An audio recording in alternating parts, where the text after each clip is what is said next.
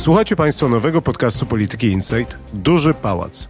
W naszej audycji rozmawiamy o polskich wyborach prezydenckich. Prześwietlamy sztaby i kandydatów, opisujemy ich zmagania i towarzyszymy im w podróżach po Polsce. Słuchajcie, obserwujcie, komentujcie. Jest środa, 22 stycznia. Dziś w Dużym Pałacu razem z działem politycznym w składzie Joanna Sawicka, Wojtek Szacki i Ryszard Łuczyn chciałem zrobić podsumowanie tego etapu prekampanii prezydenckiej i zmierzyć się z pytaniem, co się dzieje w sztabach i u poszczególnych kandydatów. Proszę Państwa, może zaczniemy od sytuacji sondażowej. Jakim dziś poparciem cieszą się kandydaci? Na początku tej kampanii mamy niewątpliwą dużą przewagę Andrzeja Dudy, którego średnie poparcie w e, styczniowych sondażach wyniosło 47%. Pierwszą z kandydatów opozycyjnych jest Małgorzata Kidawa-Błońska, 25,5%.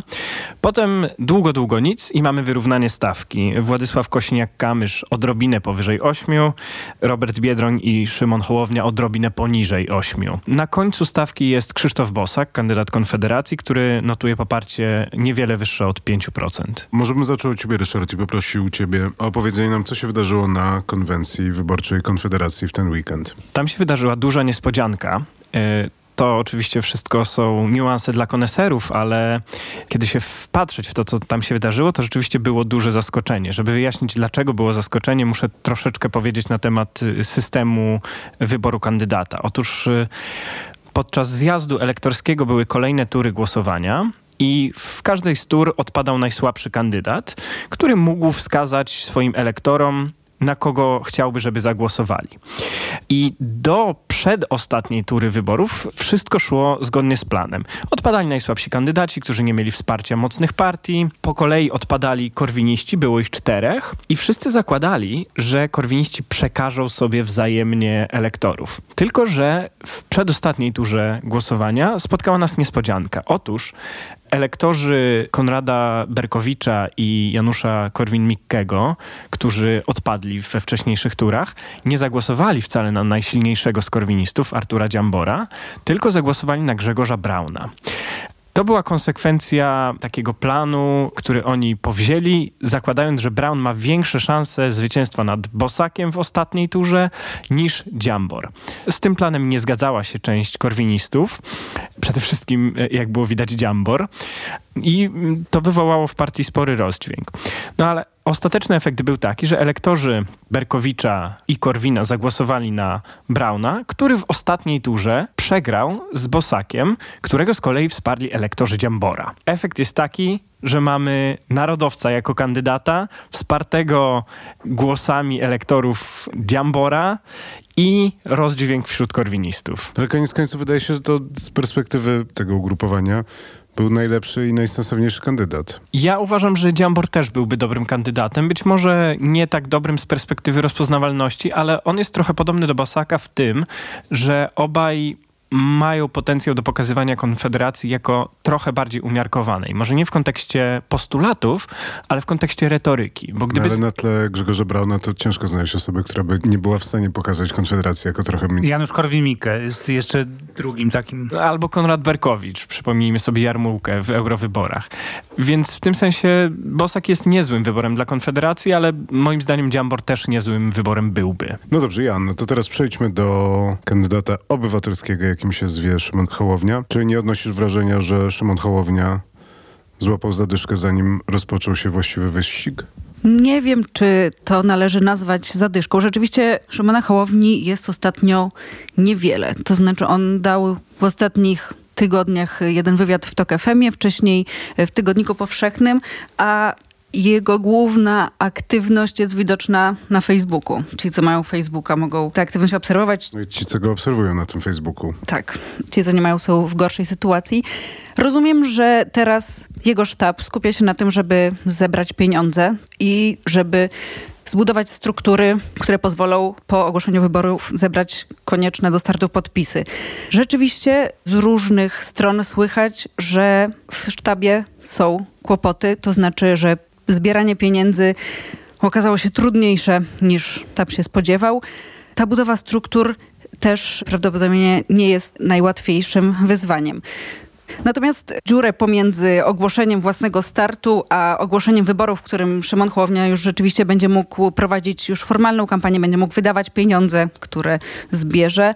Tę lukę wypełnia po pierwsze różnymi postami na Facebooku, w których stara się prezentować bardzo umiarkowane poglądy w różnych tematach, a z drugiej strony prezentuje swój sztab merytoryczny, to znaczy przedstawia ludzi, którzy go wspierają. W ostatnich dniach poznaliśmy generała Mirosława Różańskiego i ekonomistę Piotra Kuczyńskiego. Ale nie masz takiego poczucia, że to jednak nie są postacie jakkolwiek jakoś tam znane i obecne w mediach czy w jakichś środowiskach eksperckich, że jednak to nie są postacie, które tak naprawdę budują tą kandydaturę i że nie ma jakiegoś takiego niedoboru pomysłów i jakiejś aktywności, która pozwoliłaby zrobić ten drugi krok. To znaczy, że pierwszy krok został dokonany, Szymon Hołownia wyszedł, ogłosił się, pokazał ileś tam osób, które go popierają się ujawniło i trochę myślę, że ludzie, którzy mogliby popierać Szymona Hołownię, czekali na coś więcej i tego więcej nie ma. Wiesz co, ja nie mam wrażenia, że te postacie są jakimś problemem. Myślę, że one są rozpoznawalne i robią raczej dobre wrażenie, że tego typu osoby stoją za Hołownią.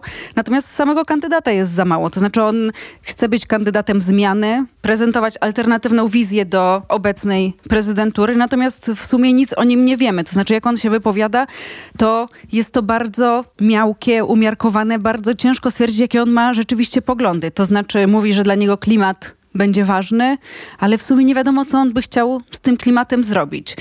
Nie chce się ostro wypowiadać w tych kwestiach światopoglądowych i w sumie nie wiadomo, jaki jest ten Szymon Hołownia. Ja trochę tak, że patrzę na niego jak na jakiś odpowiednik Pawła Kukiza z tej kampanii sprzed lat pięciu, i zastanawiam się, na ile ta analogia jest trafna. Nie mam oczywiście pojęcia, jaki będzie wynik Szymona Hołowni, bo to zależy od kampanii ale widzę duże różnice, jeśli chodzi o początek tej kampanii, tej prekampanii jeszcze.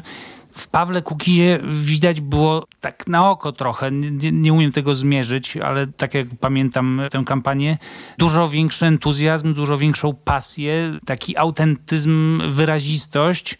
To był taki wyraźny bunt przeciwko zarówno Platformie, jak i PiSowi. I te notowania Kukiza długo tego nie odnotowywały. On bardzo długo miał 2, 3, 4% poparcia, ale ta kampania robiła wrażenie dużo energiczniejszej niż Szymona Hołowni. Ta kampania Szymona Hołowni wygląda na taką bardzo chłodną, wyrozumowaną, poprawną. Brakuje tam jakiegoś szaleństwa, a moim zdaniem bez iskry szaleństwa kandydat, który ma parę procent i wszyscy skazują go na porażkę, nie ma szans wskoczyć na ten poziom 20%, który osiągnął Paweł Kukiz. Też mam wrażenie, że Szymon Hołownia trochę przestraszył się i boi się być jakiś i po prostu przez to jest taki żaden w swoich poglądach. Boi się stracić po lewej stronie, boi się stracić po prawej stronie, więc nic konkretnego nie mówi, więc trochę ginie we mgle. Tak, on też jakby, my tu nie jesteśmy od doradzenia, ale ja bym się spodziewał, że to nie muszą być jakieś takie konstruktywne, programowe propozycje i Szymon Hołownia nie musi teraz opowiedzieć, jak Polska ma być zorganizowana. Tak naprawdę na tym etapie kampanii ważne jest chyba trochę, żeby istnieć i funkcjonować w tej debacie publicznej, a Szymon Hołownia sprawia wrażenie osoby, która nawet nie jest w stanie kogokolwiek zdenerwować. W sensie on po prostu nie wywołuje emocji. Dobrze, Ryszard. Ostatnio rozmawialiśmy o Robercie Biedroniu. Czy wiemy już coś więcej o jego sztabie? I też chciałem się ciebie zapytać, jak idzie zakładanie komitetów. O jego sztabie wiemy rzeczywiście już sporo. Jego szefową jest Hanna Gil-Piątek, czyli łódzka posłanka Lewicy, była działaczka ruchów miejskich. Wśród jej zastępców jest Marcin Kulasek, czyli sekretarz generalny Sojuszu Lewicy Demokratycznej i Marcelina Zawisza, pierwsza wiceszefowa klubu Lewicy. W sztabie znaleźli się też Adrian Zandberg i Włodzimierz Czarzasty, którzy będą odpowiadali m.in. za Komitet Poparcia i program Biedronia. Natomiast od takich bardziej operacyjnych spraw będą ludzie po prostu z wiosny. Rzeczniczką sztabu została Beata Maciejewska, też jedna z posłanek Lewicy związana z wiosną. Za strategię i badania będzie odpowiadał Wiktor Wojciechowski, za komunikację Jan Mróz. To są wszystko osoby, które były do tej pory zaangażowane w te wcześniejsze kampanie właśnie od strony wiosny. A jeśli chodzi o komitety poparcia, te lokalne komitety, to musimy się opierać na danych publikowanych przez samą Lewicę. Jak patrzyłem wczoraj, to podobno jest już ponad 100 zarejestrowanych komitetów lokalnych i niemal 3000 zgłoszeń wolontariuszy i wolontariuszek. Brzmi nieźle, ale nie wiem. Joanna, na tym tle wydaje się, że Kośniak-Kamysz jest jakimś takim najbardziej zwartym, przygotowanym, solidnym kandydatem. Tam zdaje się, że wszystko już działa, wszystko już się dzieje i, i nie wiem, czy ktoś się z Kośniakiem Kamyszem ściga, ale on takim pewnym krokiem biegnie ku mecie. Tak, rzeczywiście PSL bardzo szybko się ogarnął z kampanią prezydencką. Oni też nie mieli tego problemu, kto będzie ich kandydatem. Od dawna było wiadomo, że to Kosiniak-Kamysz będzie startował, więc mogli po prostu zacząć ten wyścig wcześniej. I już w listopadzie mniej więcej było wiadomo na półoficjalnie, że Kośniak-Kamysz startuje. W grudniu poznaliśmy szefową sztabu. To jest taka jego bardzo bliska współpracowniczka Magdalena Sobkowiak-Czarnecka. I Kosiniak-Kamysz jeździ po Polsce, spotyka się z wyborcami, tłumaczy, że to są po prostu spotkania posła z wyborcami, bo formalnie nie może jeszcze tego finansować jako podróże kampanijne.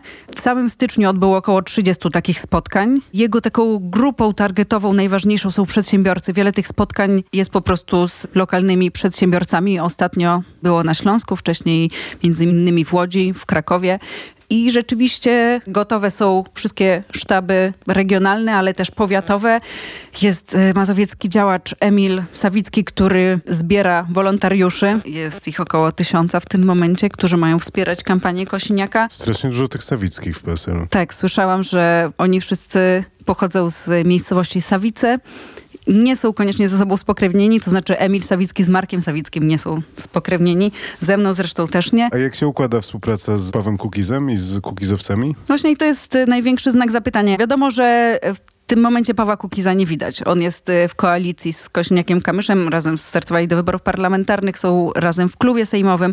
Natomiast Kukiza teraz w tej kampanii nie ma. Natomiast z tego, co słyszałam, na dniach ma Rada Naczelna PSL przyjąć uchwałę, która zatwierdzi, że do statutu PSL zostaną wpisane wartości demokratyczne ważne dla Kukiza i to będzie dla Kukiza znak taki już formalny, żeby zacząć się angażować w kampanię i razem z Kosiniakiem jeździć po Polsce. Ja się przyznam tutaj do wielkiej ciekawości tej kampanii e, Kosiniaka-Kamysza, bo e, jeśli popatrzymy na końcówkę kampanii parlamentarnej, kiedy kampania PSL się rozkręciła, to moim zdaniem to była bardzo ciekawa, bardzo sprawnie przeprowadzona kampania i ludzie z PiSu i z obozu władzy obawiają się tego PSL-u, bo PSL pod koniec tej kampanii zaczął bardzo mocno bronić przedsiębiorców przed skutkami podniesienia płacy minimalnej. To były bardzo pomysłowe spoty, pamiętam w telewizji, oglądałem z dużym zainteresowaniem.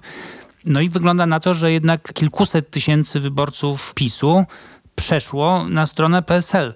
Gdyby udało się podobnie ukąsić Andrzeja Dudę w tej kampanii PSL-owi, no to miałoby znaczenie w tej pierwszej, a być może także w drugiej turze. Jeśli ci fachowcy, którzy robili kampanię, powtórzą ją z równą sprawnością w kampanii prezydenckiej, no to może być jeszcze całkiem ciekawie i ten Kośniak-Kamysz może zamieszać. No nie na tyle, żeby wygrać, ale może zaszkodzić Dudzie. No właśnie, ja też będę to obserwować z zaciekawieniem, bo ewidentnie Kośniak-Kamysz jest popularnym politykiem. Udało mu się właśnie odebrać część wyborców PiSowi. I teraz w tej kampanii w to znowu idzie, to znaczy ci przedsiębiorcy są super ważną dla niego grupą, natomiast ja widzę dużo też zagrożeń dla niego, to znaczy dla wyborców PSL-u te wybory prezydenckie nigdy nie były bardzo ważne. I spora część elektoratu często głosowała na kandydata PiSu. Oczywiście PSL dotąd chyba nie miał tak popularnego wewnętrznie kandydata na prezydenta, Natomiast jeszcze zagrożeniem dla niego jest to, że podobnym do niego kandydatem jest Szymon Hołownia i on też pewnie będzie mu odbierał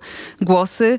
Z Kidawą będzie również rywalizował. Mam wrażenie, że on bardzo wysoko podniósł sobie stawkę, to znaczy walczy o to, żeby ten wynik mieć dwucyfrowy, a przez to, że jest taki tłok podobnych do siebie kandydatów, on równie dobrze może zdobyć 10%, ale też równie dobrze może zdobyć 6%, a to by była spora porażka. Rozumiem, że on ma jeszcze sytuację z ASF-em, czyli z afrykańskim pomorem która jest jakimś rosnącym problemem. Z drugiej strony to jest problem, o którym się mówi od czterech lat i jakoś on niespecjalnie zaważył na sytuacji politycznej, ale cały czas słyszymy, że jednak to jest coś, co może uderzyć.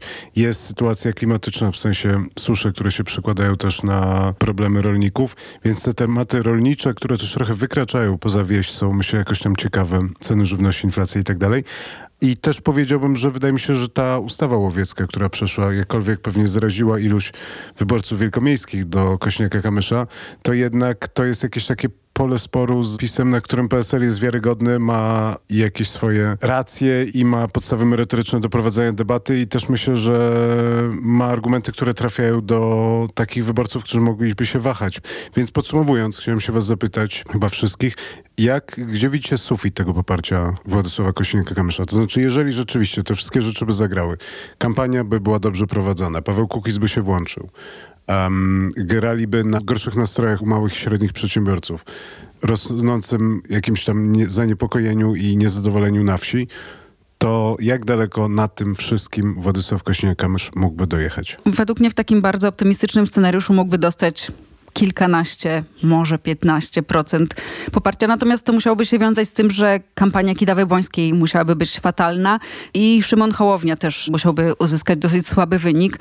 Wydaje mi się, że tutaj bardzo ważne są te właśnie nastroje na wsi. To znaczy PSL od dosyć już dawna deklaruje, że PiS zrobił tak strasznie dużo złego na wsi, że teraz uda im się odbić tę wieś, natomiast to się w kolejnych wyborach nie udaje i PiS jest bardzo, bardzo silny na wsi. Nie jestem pewna, czy to będą te wybory, które pokażą, że PSL się tam odbudował. No ja bym zaryzykował tezę, że jeżeli Władysław Kośniak-Kamysz byłby w stanie w jakimś momencie zbliżyć się do Kidawy Błońskiej, prawdopodobnie z racji na niekoniecznie świetną kampanię wyborczą, to mogłaby wtedy powstać taka narracja i ona mogłaby być dosyć silna w mediach też liberalnych, że to Kosiniak-Kamysz ma większą szansę na pokonanie Andrzeja Dudy. I jeżeli byłoby między nim a Kidawą Błońską 5 punktów procentowych różnicy, to to mogło mu dać niesamowite dopalenie i dużo dodatkowego paliwa jako tej osobie, która może być jedyną szansą obozu opozycyjnego na pokonanie Andrzeja Dudy. Niedawno był sondaż Ibrisu, który pokazywał, jak poszczególni kandydaci wypadają w drugich turach. No i tutaj zdecydowanie wygrywa Małgorzata Kidawa-Błońska. Rzeczywiście Kośniak-Kamysz jest na drugim miejscu, ale ma 5 punktów procentowych mniej niż Kidawa. W drugiej turze zdobywa 36%, a Duda 49%. Więc można sobie wyobrazić, że to się zmieni, ale na tym etapie to no ona. Dobrze, no to zgrabnie, zgrabnie jesteśmy w stanie przejść do następnego tematu, czyli Małgorzaty Kidawy-Błońskiej.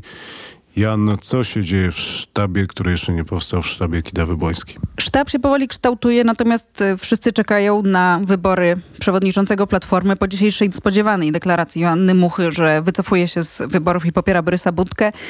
Bardzo prawdopodobne moim zdaniem jest, że te wybory zakończą się w pierwszej turze, czyli już w sobotę 25 stycznia, chociaż wyniki pewnie poznamy dwa dni później, czy dzień później. I wtedy poznamy też skład sztabu, ponieważ o tym, kto będzie szefem sztabu, musi zdecydować nowy przewodniczący partii. Natomiast część rzeczy już wiemy, to znaczy już oficjalnie ogłoszono, że do sztabu dołącza Bartosz Arłukowicz, który będzie odpowiedzialny za kampanię w terenie i spotkania z ludźmi. Za sprawy zagraniczne będzie odpowiadał Radosław Sikorski, to jest wiadomość z wczoraj bodajże. Ileś osób tam już pracuje, to znaczy były minister transportu i doradca Donalda Tuska Sławomir Nowak. Rafał Grupiński pełni tam ważną rolę, odpowiada z jednej strony za program, a z drugiej strony za kontakt ze strukturami. Natomiast Małgorzata Kidawa-Błońska jest jej dosyć mało w przestrzeni publicznej, to znaczy ona czasem trochę jeździ, czasem trochę ma konferencji w Warszawie, natomiast z tego co wiadomo, to teraz skupia się na szkoleniach, które zresztą są jej bardzo potrzebne, bo co kilka dni słyszymy jej występ, który jest pewnego rodzaju wpadką czy też gafą. Dzisiaj na przykład zapowiedziała, że nie zamierza wziąć udziału w debacie kandydatów na prezydenta przed pierwszą turą wyborów, bo ona zwykle ma niską temperaturę. W sensie ta debata. Natomiast rozumiem, że tu problemem nawet nie jest to, że ona mówi, że nie weźmie udziału w tej debacie, bo ja rozumiem, dlaczego tak mówi, ale jest oczywiste, że będzie musiała wziąć udział w takiej debacie. Znaczy w momencie, w której wszyscy inni kandydaci wezmą, no to to by było jakby nie jestem w stanie sobie wyobrazić, jak ona by musiała wypaść na tej debacie, żeby więcej stracić niż po prostu będąc jedyną nieobecną kandydatką w takiej rozmowie. No dobrze, to teraz Wojtku. Prezydent Andrzej Duda. Zdaje się, że już wiemy, kto stanie na czele jego kampanii i wiemy, że nie będzie to Beata Szydło. No na razie to jest wiadomość nieoficjalna, ale z dwóch źródeł już słyszałem, że szefem sztabu będzie Joachim Brudziński, czyli też kierownik kampanii parlamentarnej, któremu udało się pokonać w tym wewnętrznym wyścigu o to, kto będzie szefem sztabu, Beatę Szydło, która miała dużą nadzieję, że uda jej się powrócić na szczyt partyjnej polityki dzięki temu, że przez kilka miesięcy będzie twarzą kampanii i to zwycięskiej zapewne prezydenta Dudy. Zwyciężyły racje różne. Nie wiem na ile to było po prostu polityczna rywalizacja wewnątrz PiSu, którą przegrała była premier, którą chce zmarginalizować Mateusz Morawiecki i pewnie wiele osób w PiSie, a na ile to były realne obawy części sztabowców, tych, którzy się od lat zajmują kampaniami, że osobiste problemy Beaty Szydło, jej syn porzucił kapłaństwo pod koniec zeszłego roku, że te problemy mogłyby na tyle zainteresować tabloidy, które z kolei mogłyby się dokopać do jakichś kolejnych rewelacji, że ostatecznie stratny na tym byłby sam prezydent. Czy wiemy coś więcej o tym sztabie, poza tym, że miałby na jego czele stanąć Jachim Brudziński? No, z dużą dozą pewności można zgadywać, jak ten sztab będzie wyglądał. Myślę, że PiS postawi na te same konie, które sprawdziły się w dwóch ostatnich kampaniach. No, nie będę zaskoczony, jeśli w sztabie będzie Piotr Agatowski, czyli specjalista od badań fokusowych, jeśli będzie tam Radosław Fogiel, czyli wicerzecznik partii, który też się zajmuje kampanią w internecie. Pewnie pomagał będzie Paweł Szefernaker, wiceminister spraw wewnętrznych. Krzysztof Sobolewski jest oczywistym kandydatem, który będzie mobilizował partię. Na pewno będzie jakiś człowiek od prezydenta. Nie wiem, czy to będzie Krzysztof Szczerski, który się bardzo interesuje już jakąś pracą zagraniczną. Na, na pewno będzie ktoś z kancelarii prezydenta. Być może będzie to Paweł Mucha. W kancelarii prezydenta nie ma zbyt wielu polityków, zwłaszcza takich pierwszoplanowych. No dobrze, i teraz na koniec, Wojtku, chciałem się ciebie zapytać o coś, o czym dużo rozmawiamy i się zastanawiamy i tak naprawdę chyba nie wiemy, jak to jest, ale chciałem się ciebie zapytać o to zaostrzenie retoryki Andrzeja Dudy, o te powtarzające się ataki na sądy i sędziów, krzyczenie ze sceny, mówienie o obcych językach i tak dalej. Czy ty ten ruch rozumiesz? Czy uważasz, że on jest przemyślany i czy odniesie zamierzony efekt? Myślę, że w PiSie też nie ma zgody co do tego, czy prezydent robi dobrze, czy źle. Ja mam przed sobą Gazetę Polską, świeżutki numer prosto z drukarni, w którym w kilku miejscach prezydent jest niesłychanie chwalony właśnie za to, co mówi i jak mówi o sędziach. A pamiętamy, jak zabagnione relacje miał z Gazetą Polską prezydent. Dzisiaj ci sami autorzy na wyprzódki chwalą prezydenta. Czytam, że w porównaniu do prezydenta Andrzeja Dudy żaden z kandydatów nie ma zalet, że wszyscy są po prostu obiektywnie gorsi od prezydenta Andrzeja Dudy, więc Myślę, że Andrzej Duda zaskarbił sobie mocne poparcie ze strony swojego elektoratu, ale takiego elektoratu, który być może bez entuzjazmu by go popierał. Mówię o Solidarnej Polsce, mówię o klubach Gazety Polskiej. To jest pewien segment elektoratu pisowskiego, ważny dla kampanii, ważny dlatego, żeby w całej Polsce były banery z Andrzejem Dudą. Natomiast są też głosy, i to całkiem liczne, i to ze strony poważnych ludzi w obozie władzy, że prezydent sobie wykopał wielki dół i w niego wskoczył, ponieważ taką retoryką nie przyciąga się ludzi, bez których nie da się wygrać tych wyborów.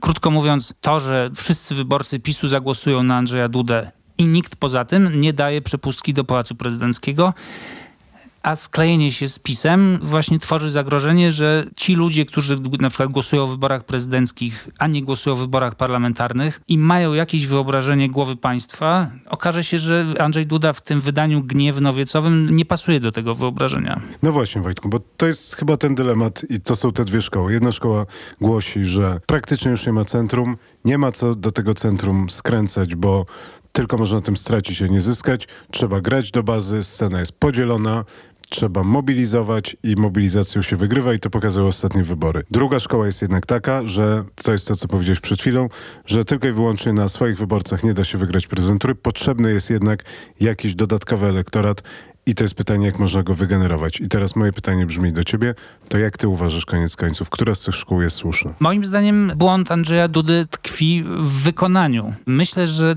co do zasady koncept, że w sprawach sądowych popiera się PiS, a Polacy nie przepadają za sędziami, nie ma jakiegoś masowego ruchu poparcia dla sędziów, nie ma wielu set tysięcy ludzi na ulicach protestujących, więc co do zasady prezydent politycznie ma rację, że jeśli będzie krytykował sędziów, to na tym nie straci. Co do zasady ma rację, że sklejając się z PiSem zyskuje wdzięczność tych dołów partyjnych, które będą harowały przy jego kampanii. Natomiast to wykonanie było koszmarne moim zdaniem. Te miny, te gesty, no, że to może odpychać część ludzi, tych mniej wyrobionych politycznie, którzy się interesują raz na pięć lat wyborami prezydenckimi, i mobilizować wyborców opozycji. Co się teraz dzieje w następnych dniach, kiedy będą ogłoszone wybory? Marszałek Elżbieta Witek zarządzi wybory najpóźniej 6 lutego, prawdopodobnie na 10 maja, czyli na ten środkowy z trzech terminów możliwych konstytucyjnie. Druga tura odbyłaby się wówczas, jeśli by do niej doszło, 24 maja. I to rozpoczyna wyścig o zebranie podpisów. Tych podpisów musi być ile? 100 tysięcy. I ile jest czasu na zebranie ich? Wystarczająco dla tych kandydatów, o których dzisiaj rozmawialiśmy. No dobrze, więc będziemy obserwować. Wydaje mi się, że to też będzie ciekawy moment, bo to będzie taki moment, sprawdzam, jeżeli chodzi o struktury i o to, jak komitety Biedronia, jak te struktury Hołowni się sprawdzają, jak topnąca armia ludzi popierających Platformę jest w stanie zadziałać. Nie sugerujemy tutaj, że mogłoby to się nie udać, natomiast myślę, że sam proces zbierania powie nam trochę i o atmosferze w tych sztabach i partiach, i o stopniu mobilizacji, i też o reakcjach ludzi na ulicach, na ludzi zbierających podpisy pod tymi kandydaturami. I o tym też będziemy rozmawiać za tydzień i w następnych tygodniach. Dziękuję bardzo Dziękuję. Państwu Dziękuję. Dziękuję. i do usłyszenia. Na dziś to wszystko. Zapraszam w przyszłym tygodniu na kolejny odcinek Dużego Pałacu. Posłuchajcie również naszych innych audycji. We wtorki Energii do Zmiany, w czwartki technologicznego podcastu Przyszłość jest dziś, a w piątki audycje o najważniejszych wydarzeniach politycznych i gospodarczych w Polsce, Europie i na świecie. Znajdziecie nas na SoundCloudzie, Spotify, w iTunes, Google Podcasts i aplikacji Radia Tok FM. Słuchajcie, obserwujcie i komentujcie. Do usłyszenia.